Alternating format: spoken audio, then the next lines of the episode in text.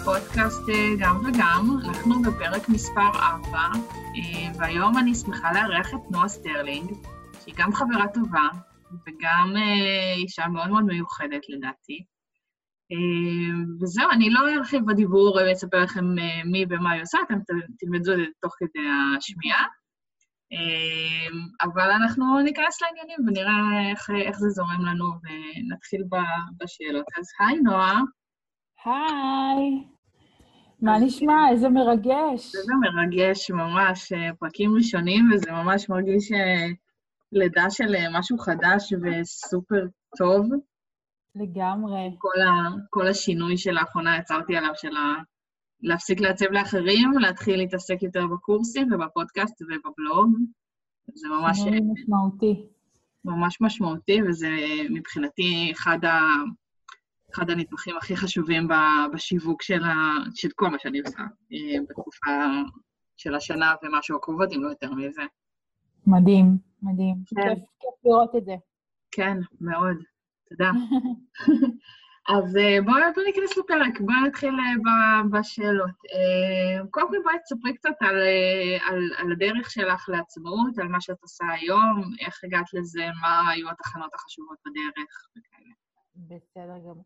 אני חושבת שאני קצת שונה מאחרים, כאילו, שמתי לב שלכל אחת שאני ככה פוגשת uh, ומדברת איתה על הדרך שלה, תמיד יש איזושהי נקודה של טוויסט. כן. אז uh, אני מתעסקת בכתיבה, uh, אני מלמדת כתיבה שיווקית, אני מדריכה בעיקר עצמאיות, בעיקר נשים, בכל מה שקשור לתוכן בעסק, תוכן יצירתי, תוכן שהוא אישי, שמתחבר לעשייה שלהן. Mm-hmm.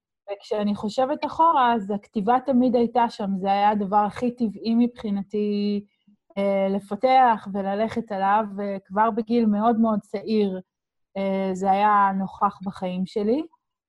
אה, התחלתי את הדרך שלי בעולם הזה של כתיבה ועריכה ותוכן, כבר בגיל 18, ככה ברמה המקצועית, עוד לפני זה אפילו בכל מיני אה, ככה מיזמים וכל מיני דברים שעשיתי, הייתי כתבת אה, צעירה וכל מיני כאלה דברים, אבל התחלתי ממש ברמה המקצועית בגיל 18 בערך, שזה היה בערך התקופה גם שהגיע אינטרנט לישראל, ועברתי כמה תחנות, כל תחנה ככה לימדה אותי על משהו אחר בנושא של כתיבה, הייתי עורכת פרוזה באינטרנט באתר במה חדשה, והייתי אחת הבלוגריות הראשונות uh, בישראבלוג, uh, שהיה אתר הבלוגים הראשון של ישראל, ובהמשך הגעתי ככה לבתי ספר יותר מכובדים.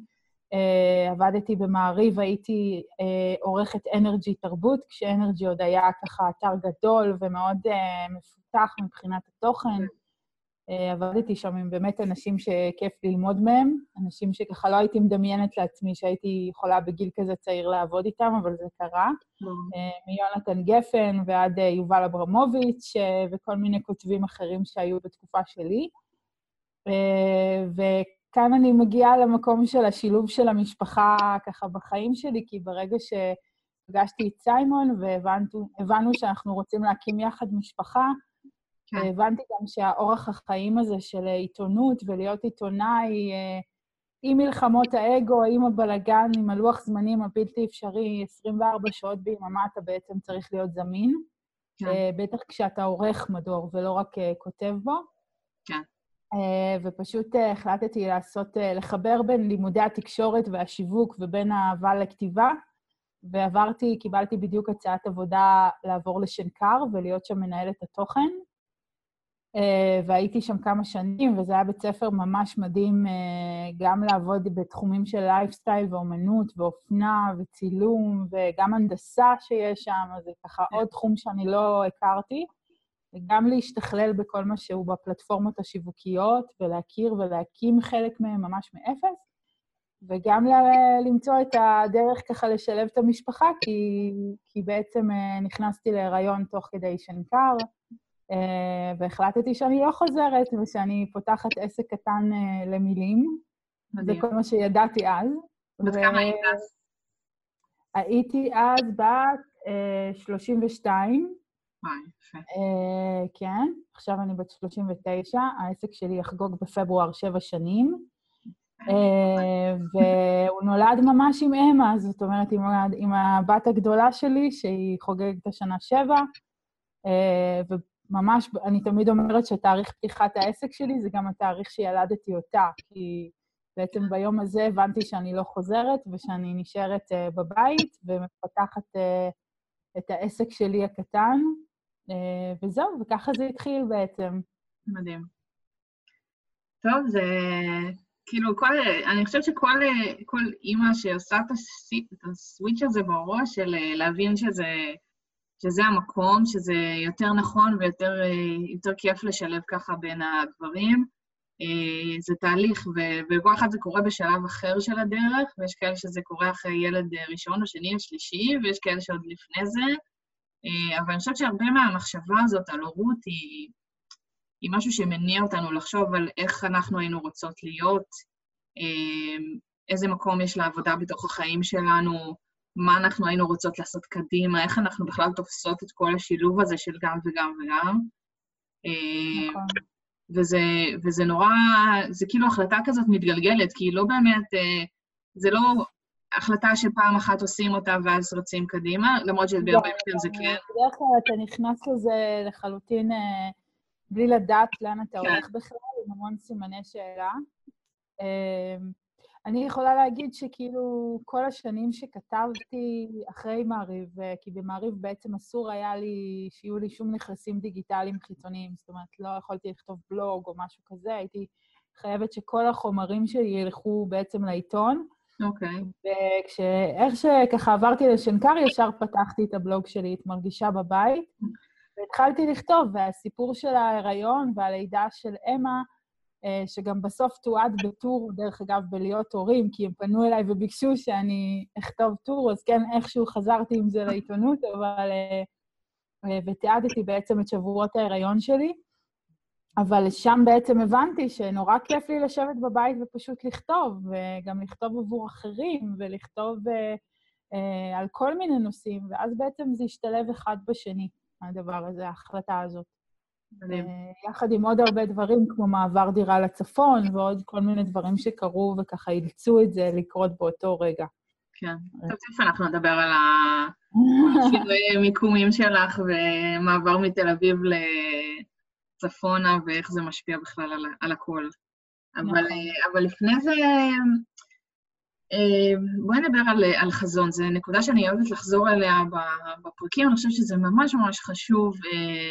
במיוחד לכאלה שהם בתחילת הדרך, עוד לפני פתיחה של עסק, אמ, כי זה כאילו מילה כזאת נורא גדולה, ובמיוחד עכשיו נגיד, אה, אנחנו בדיוק שנייה לפני 2019 מקליטות את זה. נכון. אה, כולם מדברים על חזון, ובואו נעשה לוח חזון, ובואו נדבר, ובואו נגדיר מטרות ויעדים, ו... וזה כאילו נורא גדול.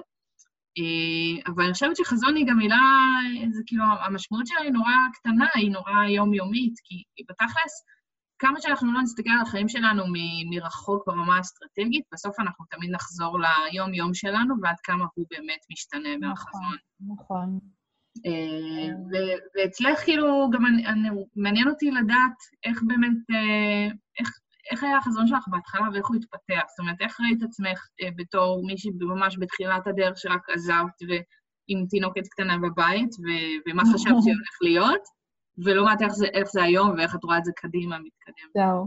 אז אולי אני צריכה קצת לספר על מה אני בכלל עושה, למי שלא מכיר אותי כן. ממש. כן. אמ, אז אה, אני אספר ככה באמת איך החזון הזה השתלב.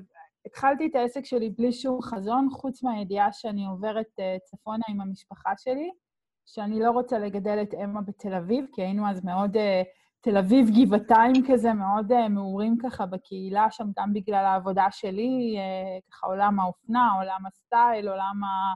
מסביב לזה, והבנתי שגם מבחינה של עלויות, פשוט אני גם לא רוצה, לא רוצה לגדל ילדה באמצע תל אביב. כן. והחזון היה באותו רגע זה לשרוד בעצם את התקופה הזאת של אחרי הלידה, אה, במקום חדש, כי בעצם חזרנו אז אה, לגור אה, ביחידה ליד ההורים שלי בזיכרון יעקב, ששם גדלתי.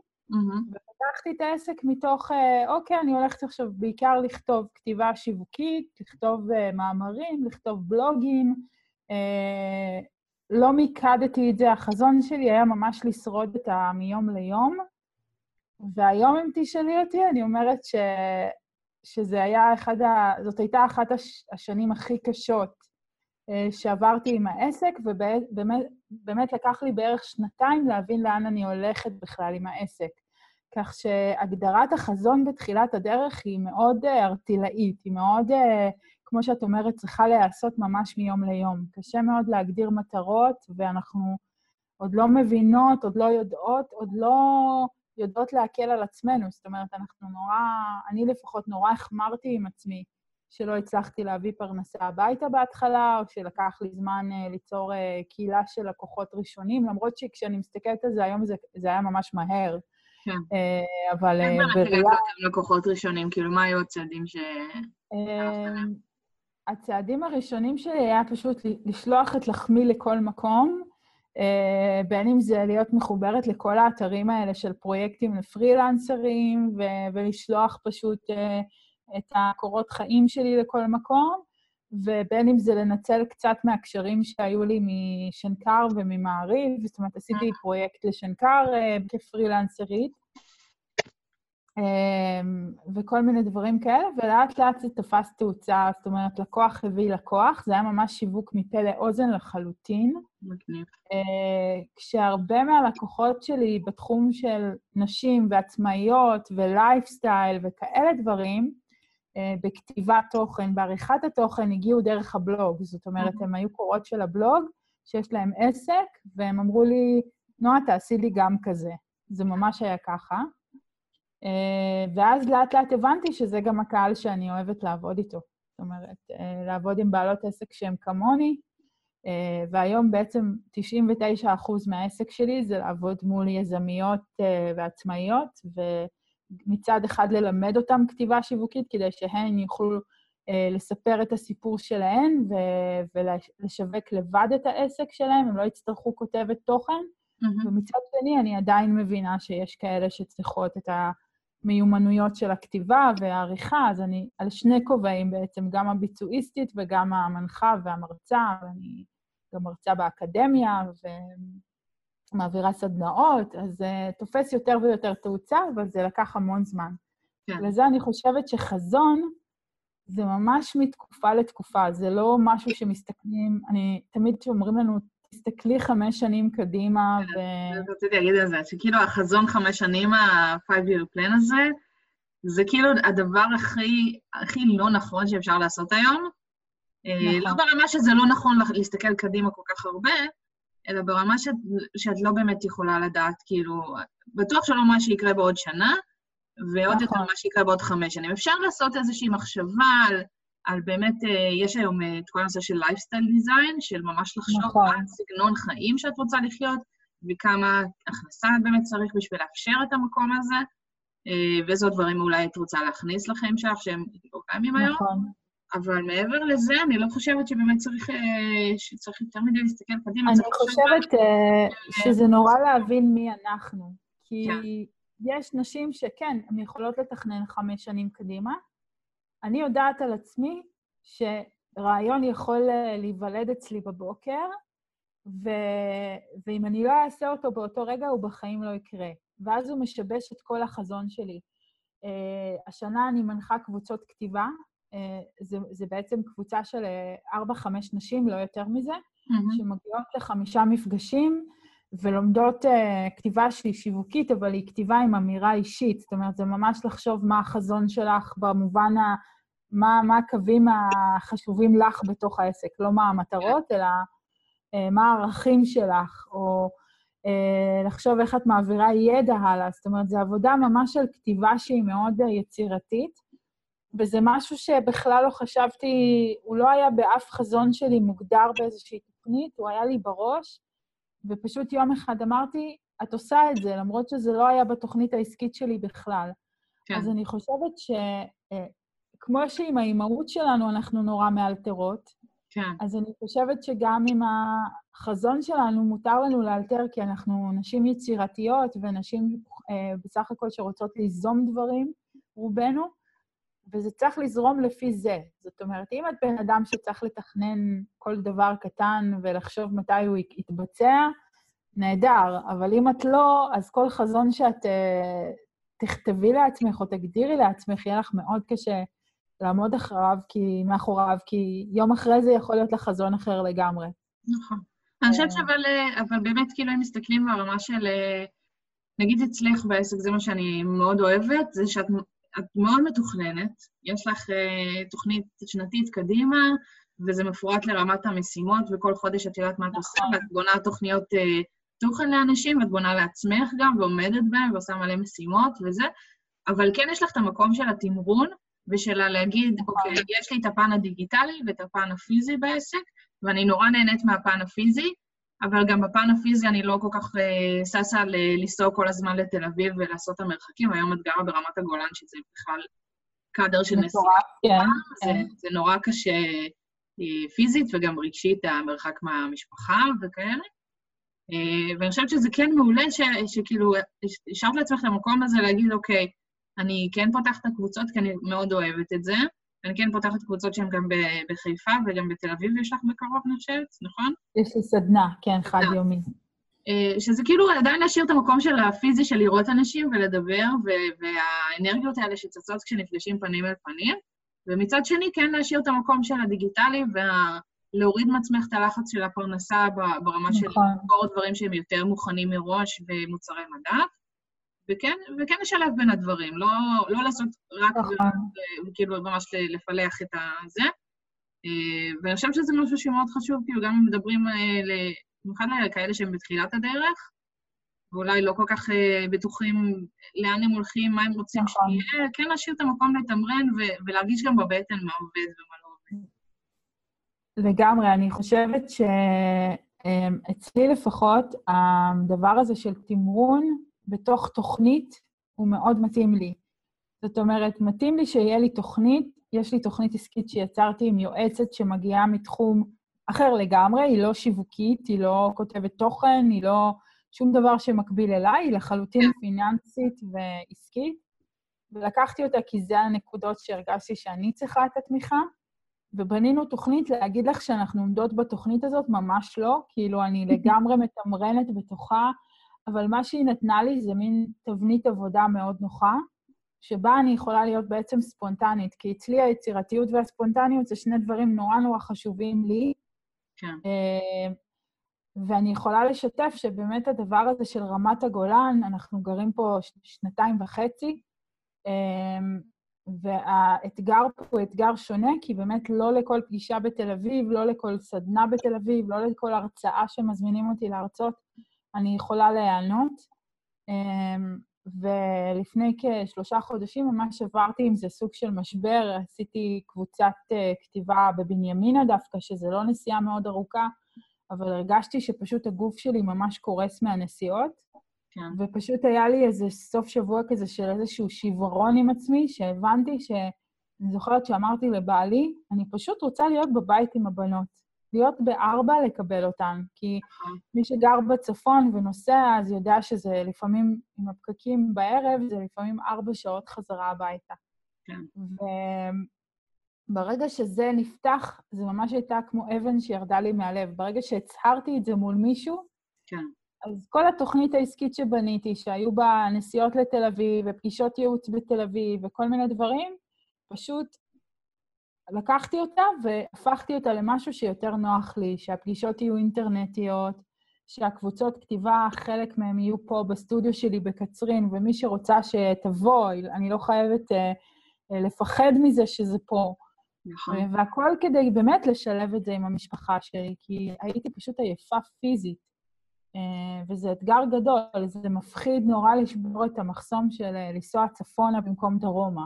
כן. אה, אני חושבת שזה גם מפחיד ברמה שכאילו, בנית תוכנית, קיבלת החלטות, אה, את יודעת מה הולך להיות ואת יודעת כמה כסף הולך להיכנס כדי שזה באמת יהיה, שזה הכל יסתדר, כל האבנים אה, ייפלו במקום. ואז אה, לבוא ולהרגיש פיזית שזה לא נכון, שזה לא מתאים, שזה לא מסתדר, שזה לא מתאים לסגנון חיים נכון. שאת רוצה לחיות. אני חושבת שזה הכי אמיץ לבוא ולהגיד, אוקיי, זה לא, זה לא מתאים לי, אבל בואו נראה מה אני כן יכולה לעשות עם הדברים האלה.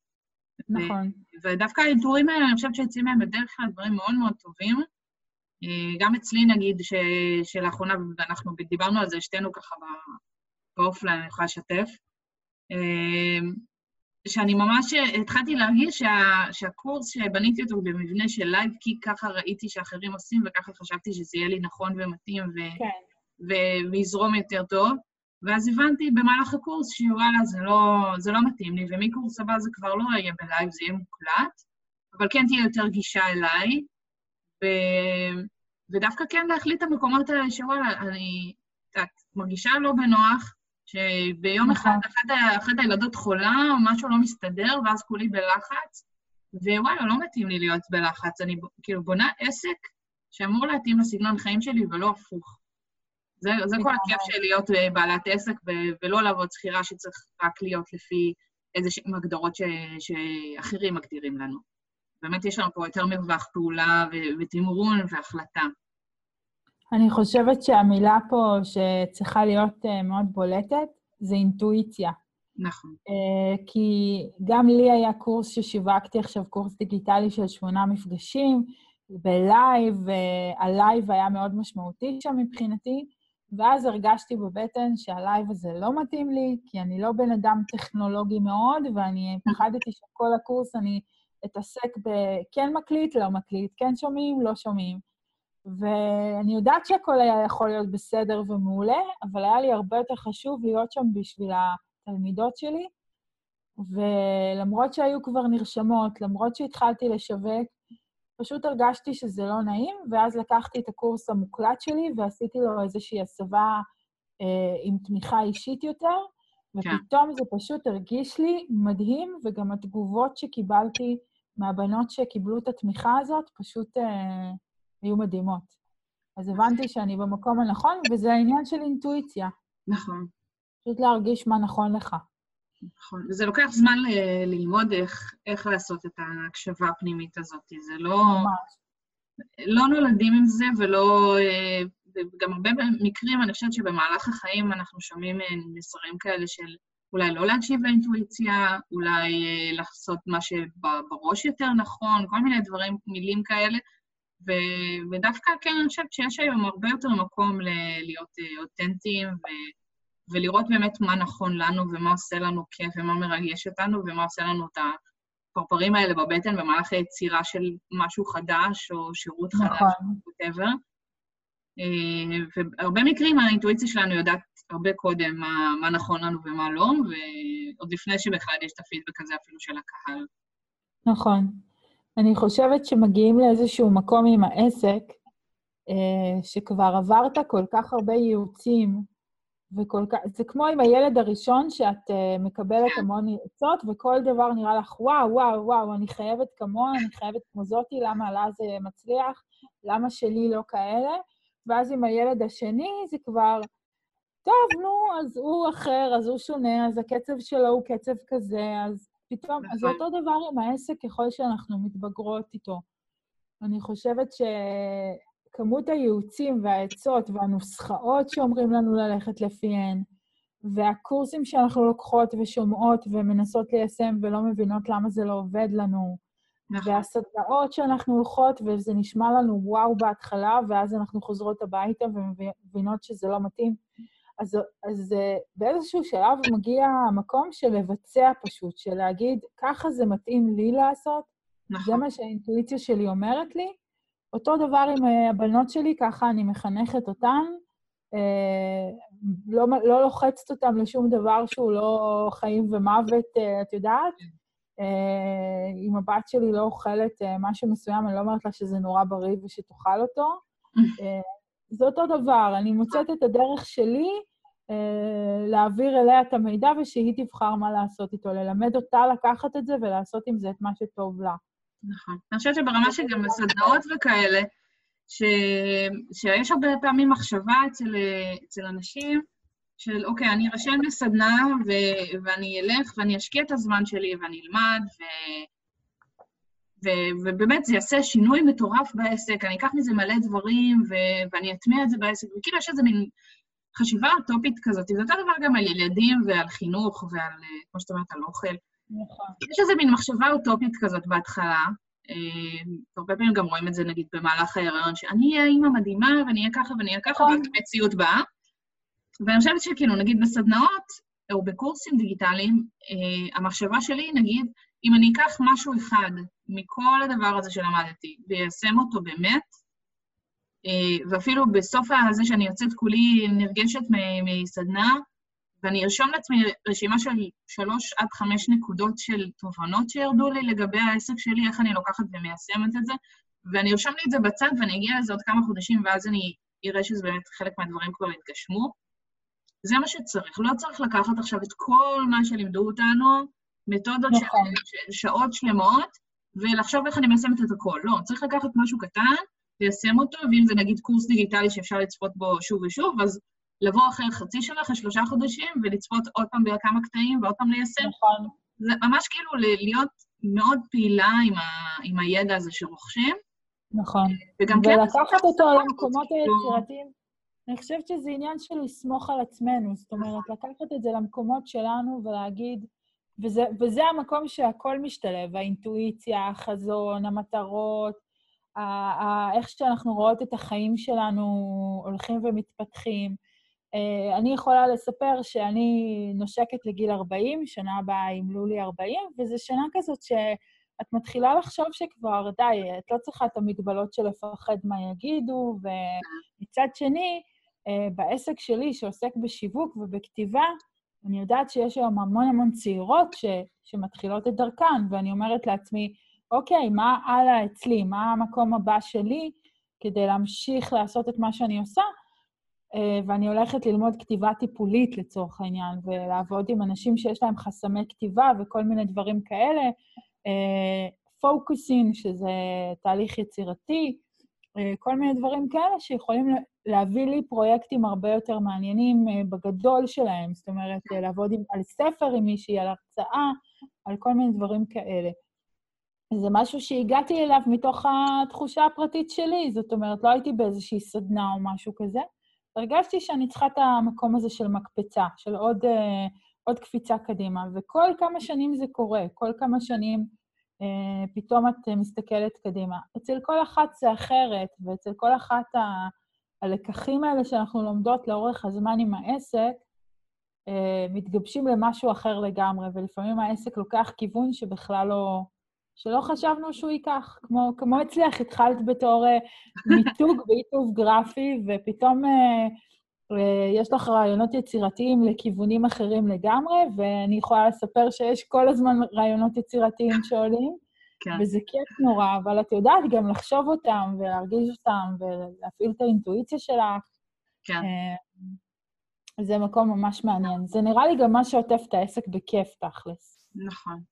כאילו, אני חושבת שבאמת זה, זה, זה המקום שלנו לבטא את עצמנו במיטבנו, אה, והקטע של ללמוד עוד דברים ולהתפתח, אני חושבת שזה משהו שקורה כל הזמן, זה קרה לי גם עם הבלוג, נכון. ש... אה, ממש כאילו הייתי צריכה ללמוד מלא כישורים חדשים שלא חשבתי בכלל שאני אי פעם אלמד, כמו צילום, ואיך לערוך תוכן, ואיך אה, איך ל- לעשות אה, קטגוריות, ואיך... מלא מלא דברים. כאילו, נכון. בכתיבה ש... שבאמת לא, לא חשבתי שכאילו אני אצטרך אה, אי פעם לכתוב אה, יותר מכמה משפטים. אה, תכף אנחנו נגיע לזה, אנחנו ככה נגיע מקום לזה בהמשך. אה, עכשיו, אני רוצה לדבר איתך באמת על ה... כאילו נגענו בנושא הזה, אבל לא ממש אה, נכנסנו אליו, שבאמת איך לתמרן בין הכל, איך את, אה, איך את עושה את התמרון הזה של בין הבית למשפחה, לזוגיות, כאילו מה, מה הלו"ז שאת אה, משאירה לכל דבר, וכמה שעות ביום בערך זה תופס לך וכזה. אז זה גם משהו שהתפתח עם הזמן, כי בעצם כשפתחתי את העסק, אז הייתי בטרפת של להביא פרנסה, שזה אומר אה, לקום בארבע בבוקר, לבט- לכתוב מאמרים, כי ידעתי שאני חייבת להגיש אותם, והייתה לי תינוקת בבית, ופשוט קרסתי, באמת קרסתי ממש, אה, אה, עד שהבנתי שאי אפשר ככה. כן. עם השנים אני, אני יודעת לעשות לעצמי את הגבולות, וזו המילה, נראה לי גבולות. Uh, למשל, uh, הגדרתי שעות עבודה מסודרות ואני יוצאת מהבית למשרד כדי לעבוד. Um, זה משהו שהשתנה גם השנה, כאילו אחרי הרבה התלבטויות, החלטתי לצאת ממש לפתוח את המשרד אה, פה בבניין שבעלי יש לו פה עסק, אז אני גנבתי לו חדר ופתחתי פה את המשרד שלי. אה, וגם הפגישות מתבצעות מחוץ לבית. אם יש לי פגישות של אנשים שמגיעים, אז הם מגיעים לכאן, ואני מעבירה פה גם סדנאות. אז, אה, אז זה היה משהו מאוד ברור, שמשעה שמונה וחצי בבוקר עד שעה שלוש, אני כאן בעבודה, ואחר כך אני כבר עם הבנות. אה, והיה לי מאוד ברור, וזה לא, לא מובן מאליו, אה, להתחיל להגיד גם ללקוחות, אני אדבר איתך מחר בבוקר, כי אני עכשיו עם הבנות שלי. Yeah. אה, זה משהו שהמון המון שנים לא עשיתי אותו, ורק בשנתיים האחרונות, מאז שהייתי שוב בהיריון, ומאיה נולדה, והבנתי שאני צריכה להיות שם, יש לי תינוקת, ואמה צריכה אותי אחר הצהריים, והבנתי שאני לא יכולה באמצע המשחק איתם אחר הצהריים להרים טלפון ללקוח ולדבר איתו על הצעת מחיר, או לקבוע פגישה עם אחת הלקוחות שלי. אמ, אז יש הפרדה ממש כמה שיותר, זאת אומרת, בבוקר אני פה, אני עובדת, ואחר הצהריים אני עם הבנות. כן. סופי השבוע הם לחלוטין לא עבודה, אין עבודה בסופי שבוע, זה אומר שאני לא עוברת על מיילים, אני לא מקבלת אה, שום מידע מהעסק, אני לא פותחת את הפייסבוק העסקי, אני גם מאוד ממעטת לפתוח את ה, בכלל את הרשתות החברתיות. אה, לפעמים, לפעמים יש לי שעה שקטה, אז כן, אני נכנסת, ולפעמים יש לי איזה רעיון לכתוב משהו, אז אני כותבת, אבל בגדול אה, אנחנו לגמרי עם הבנות, משישי בצהריים ואילך. בשישי בבוקר זה, זה בדרך כלל זמן זוגי, yeah. אה, של דייט זוגי. לא, לא כל שבוע, אבל ככה אנחנו מאוד מקפידים שלפחות פעם, פעמיים בחודש יהיה לנו איזה בוקר כזה של שישי. Uh, בגלל ששנינו עצמאים, שנראה לי שזה אצלי שונה אולי מאחרות, אז יש את המודעות הזאת לחלוקה בין הבית ל, לעסק.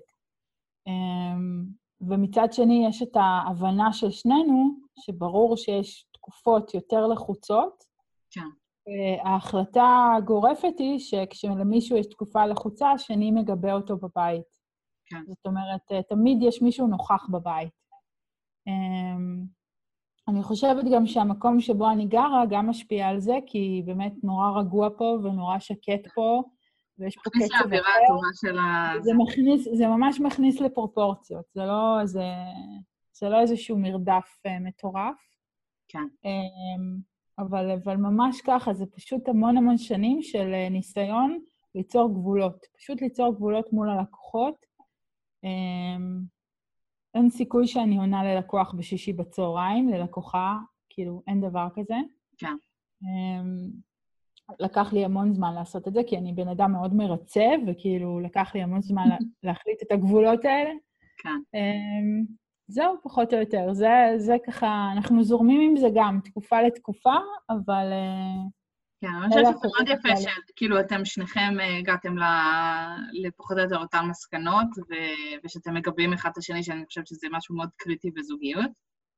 נכון. אה, אצלנו נגיד זה שונה כי, כי הוא כמעט לא, כאילו לא נמצא בהרבה מקרים אה, בנסיעות לחו"ל או בעבודה רחוקה בצפון, בדרום, או מילואים או זה. אז כאילו, הרבה מאוד מהנטל הזה במרכאות, אז אני מגבה. ואני פה, כאילו, כן. תמיד עם הילדים וזה.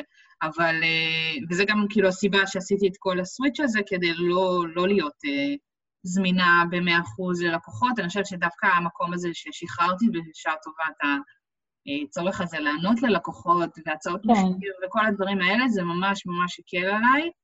Uh, וזה משחרר עוד מקום ליצירתיות אחרת של תוכן כמו הפודקאסט הזה. נכון.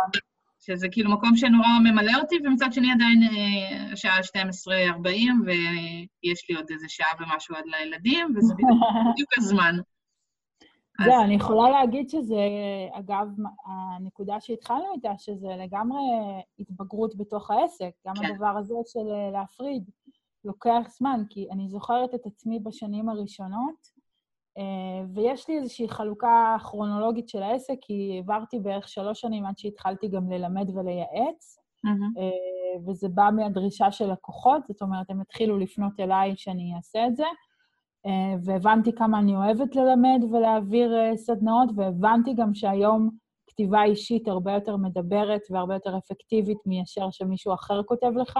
Mm-hmm. אז הבנתי שאני צריכה להציע את הכלים שלי, את הכלים האלה, אבל זאת הייתה ממש הנקודה של גם uh, להבין שפה אני צריכה נורא נורא לשים לב לקשר שלי עם לקוחות, כי אני בן אדם שנורא מתחבר, שהם מתחברים אליי, שיכולה לענות, אה, אם, אם לקוחה הייתה שולחת לי מייל ב-12 בלילה, הייתי עונה לה. כאילו, כן. היה לי את הצלצול הודעה, ואני מיד עונה, ופתאום אמרתי לעצמי, לא, צריך להיות לך מסגרות זמן שאת עונה בהן.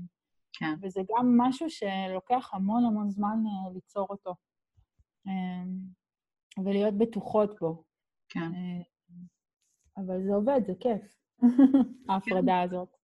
כן, האמת שאני חושבת שזה פשוט נהדר, את הסוויץ' הזה ש, שקורה עם השנים, שלאט לאט מתחילים יותר לדייק את העשייה, וזה, כמו שאת אומרת, זה, פתאום יש דרישה מהקהל למשהו אחר, ואז אנחנו מגלות שזה גם מתאים לנו, וכאילו כל נכון. הדברים מתחילים להסתדר למקום שלהם, אה, ש, שזה פשוט נהדר, ואם שנייה נסתכל על, על מה שדיברנו קודם, על, ה, על החזון של איך שהוא היה אז לעומת איך שהוא היום, אה, איך את בעצם רואה את הדברים מתגלגלים קדימה, כאילו, לשנה, שנתיים הקרובות, מה, מה אמ, השאיפות שלך של דברים שבאמת יהיו קיימים או שונים בעסק מבחינת ה... אני חושבת שהמילה דיוק של כל דבר בעסק שלי היא המילה המובילה, וגם באמת הדבר הזה של להקשיב לבטן ולהיות גמישה עם מה שאני עושה, כן. וליהנות מזה.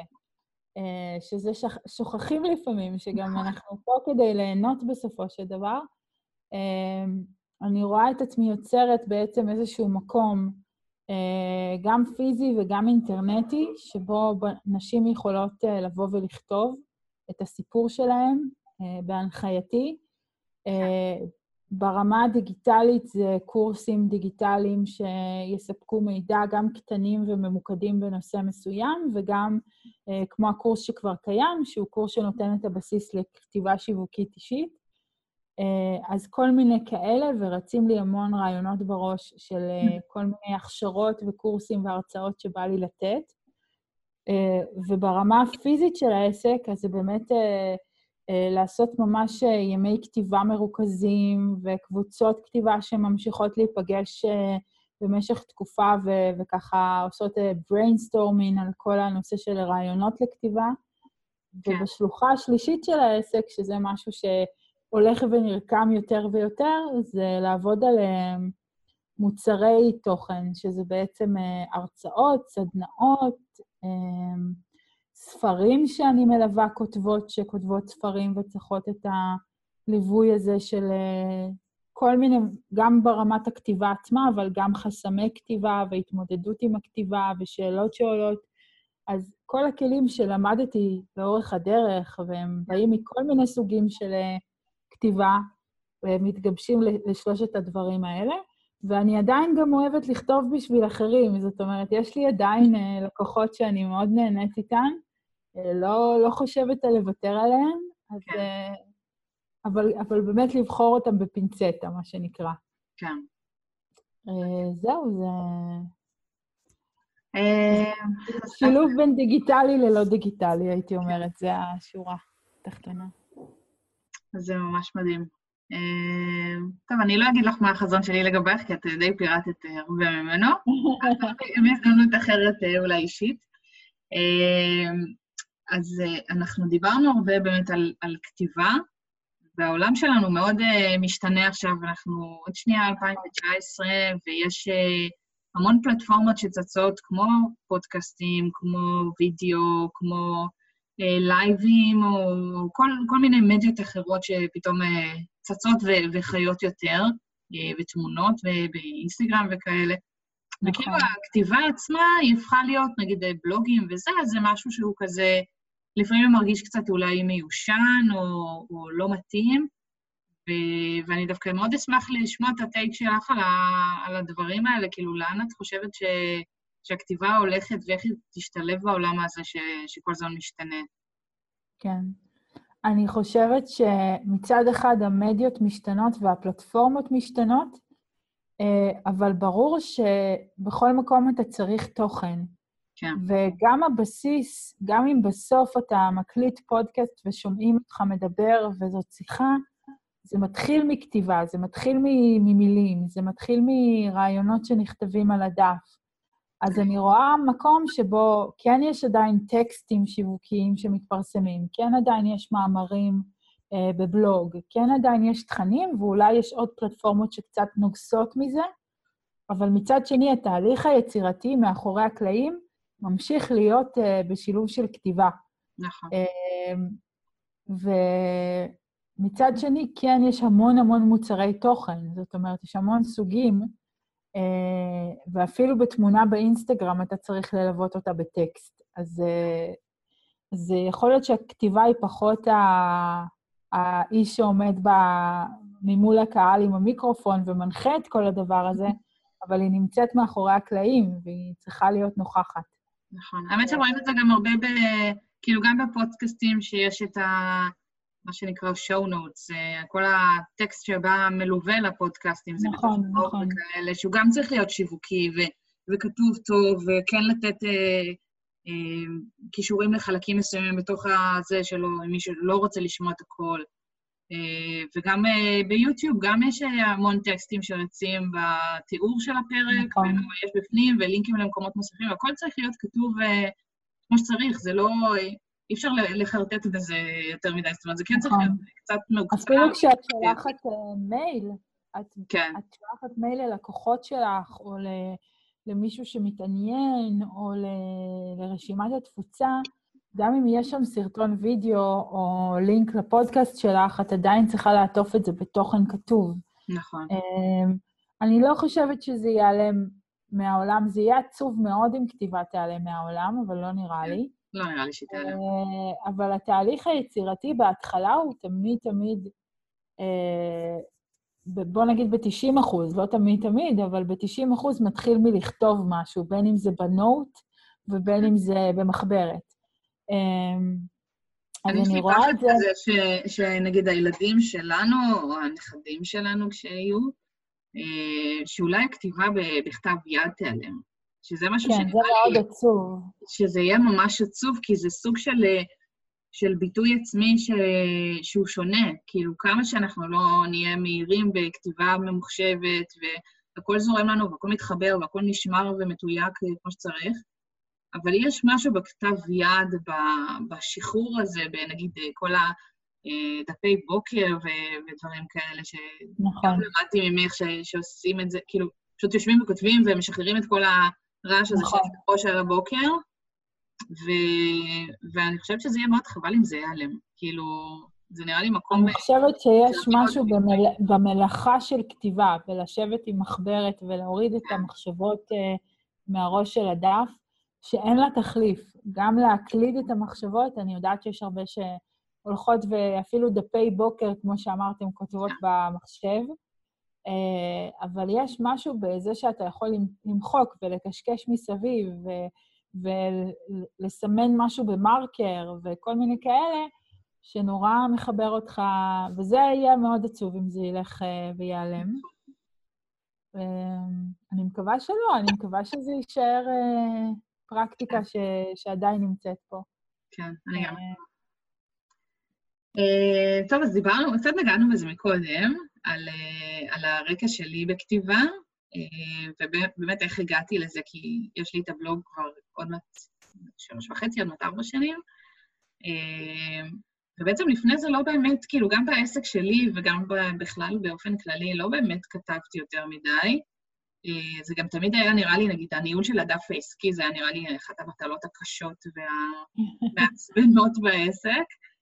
אה, ואז הלכתי לכל מיני סדנאות וייעוצים, וכאילו איכשהו הבנתי שאם אני רוצה לכתוב לבלוג, אז אני צריכה להבין גם מה, מה אני רוצה לכתוב, ואיך זה צריך להיות, ואיך לערוך. נכון. אה, אז מה... בואי תספרי קצת על, על התהליכים האלה של, שמבחינתך, איך את כאילו מסתכלת על זה? כי באמת את כותבת המון שנים, כאילו גם מגיל מאוד צעיר, שזה דבר נכון. שנורא בא לך כאילו בטבעיות. אז איך, איך באמת מישהו ש, שהוא פחות אה, מיומן, איך הוא יכול אה, לחדד את העיפרון שלו, מה שנקרא? קודם כל, אני ארגיע ואני אגיד שגם אצל מי שכותב המון שנים, יש תקופות שיותר ויש תקופות שפחות ויש תקופות שבכלל לא. כן. Uh, וזה בסדר, זה, זה ממש בסדר, יש תקופות שאנחנו מוצפות במיליון דברים אחרים. Uh, אבל אני באמת מאמינה בלאמן את השריר, אפילו אם זה לא נעשה מול המסך, מול אנשים שקוראים, אלא מאחורי הקלעים, uh, כמו בדפי בוקר, כמו בכתיבה אינטואיטיבית בכלל, כמו בלכתוב לנו רשימה של מטלות ולכתוב אותה בדף, בכתב יד, כל הדברים האלה מאוד עוזרים.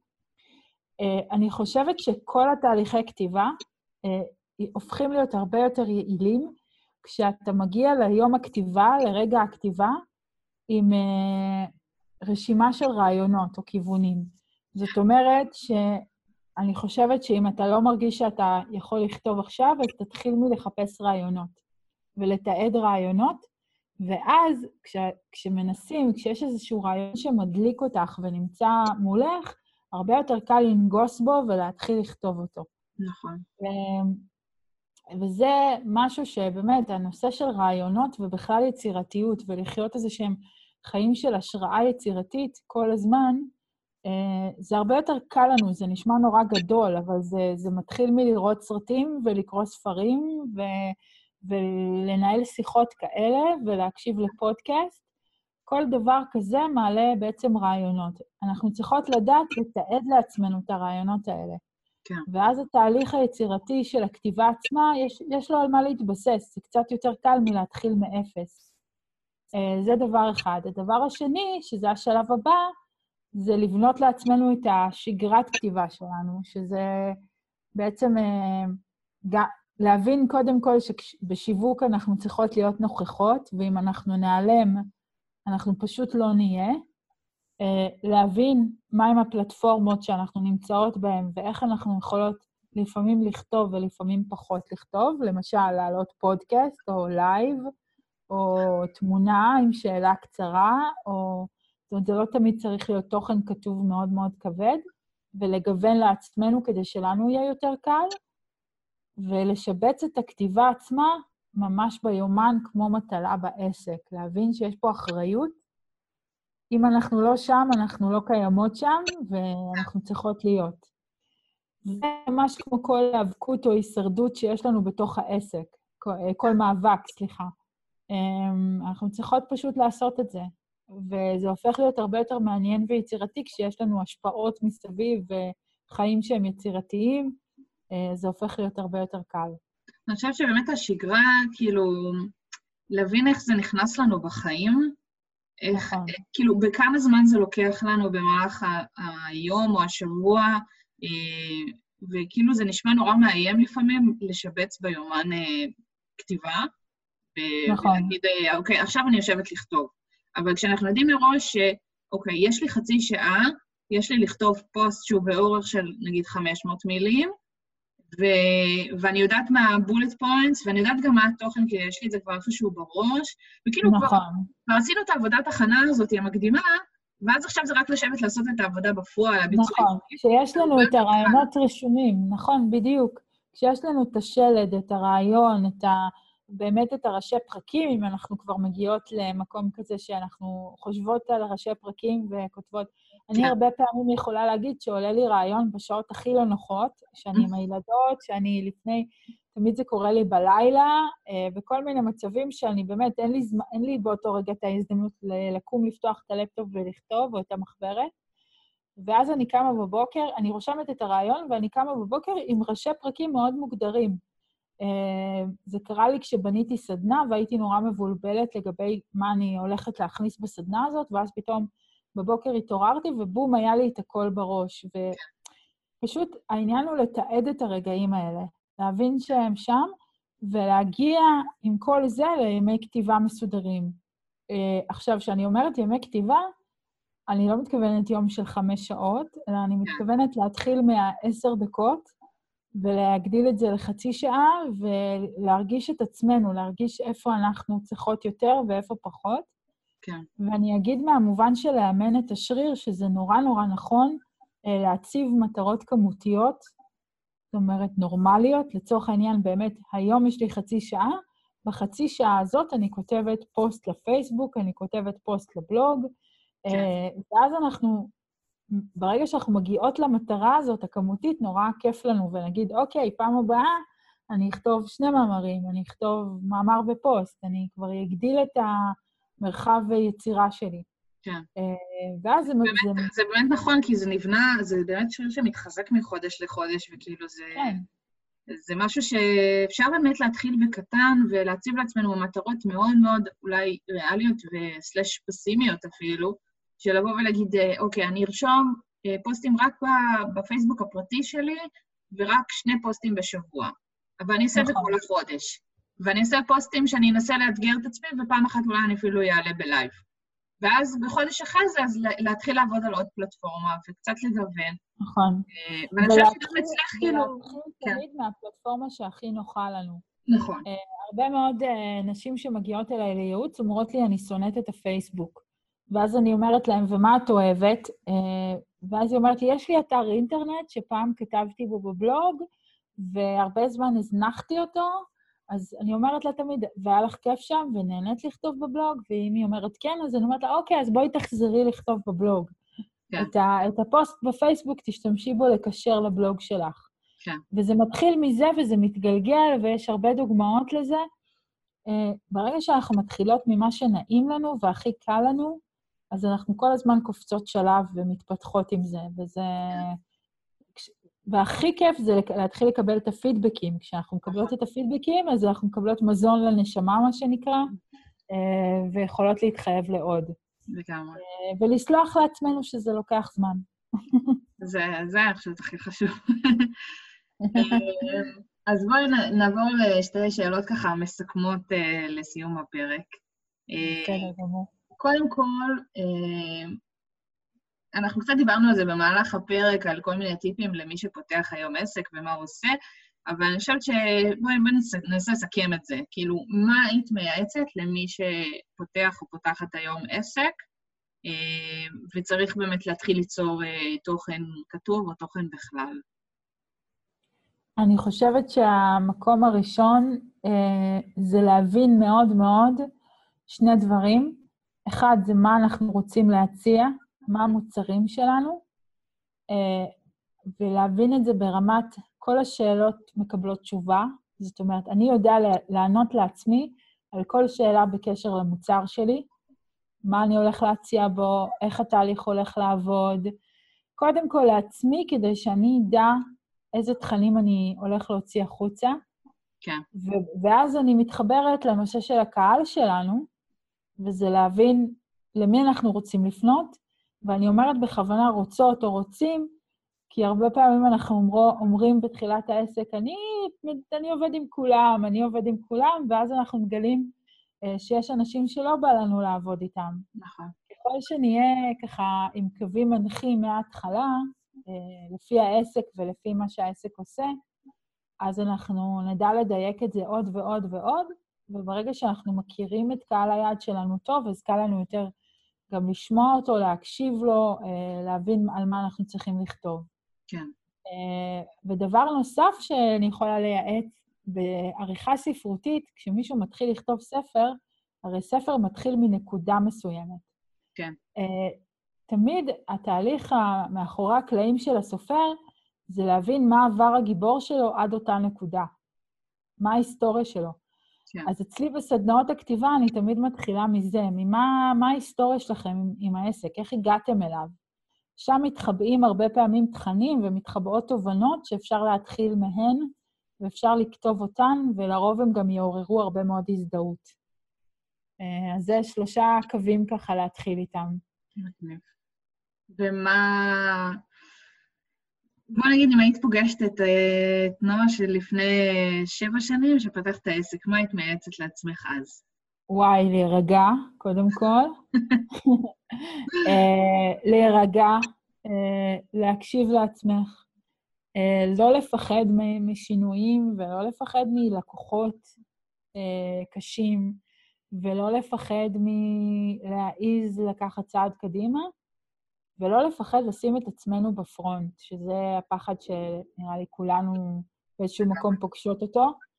אמ, ו- ולקחת את הזמן, ללמוד לאט-לאט ולהבין שיש פה תהליך, לא הכל בבום. לגמרי. וזהו. זו הייתה שיחה מרתקת. אני חושבת שמי שיקשיבו לזה יקבלו המון המון כלים מהממים, כמו שרק את יודעת לתת. וגם אם יזכי להכיר אותך ש...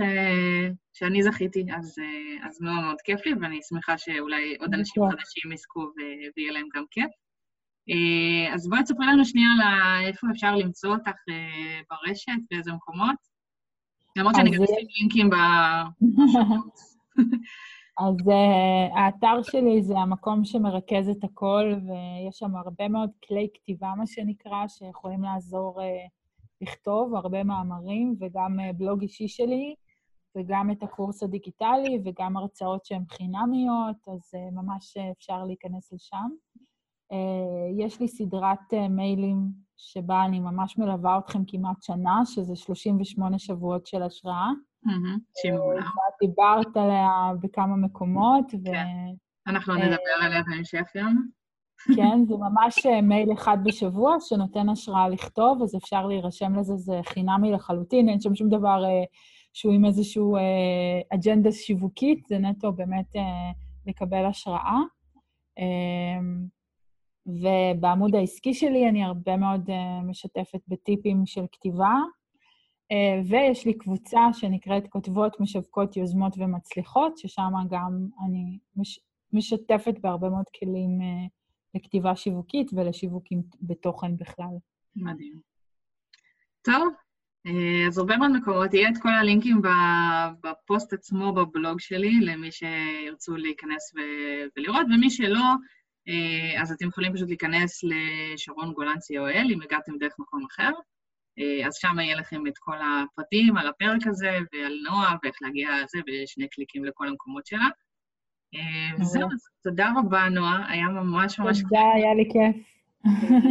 זהו, ואנחנו נדבר בהזדמנות, ואני גם רוצה להגיד לך שאני מנסה, אני, אני אשתדל לעשות איזשהו תהליך פה של... קפץ לי פה איזה שטות. של להביא את האנשים אחרי תקופה, כל מי שיתראיין בפודקאסט, אז אחרי תקופה אנחנו ניפגש לעוד איזשהו סשן קצר או ארוך, לא יודעת. אז אנחנו נתראה עוד בהמשך של הזה, אולי בעונה הבאה, משהו כזה. נשמע מעולה, בשמחה רבה. תודה רבה. תודה רבה. נראה בפרק הבא. ביי. ביי.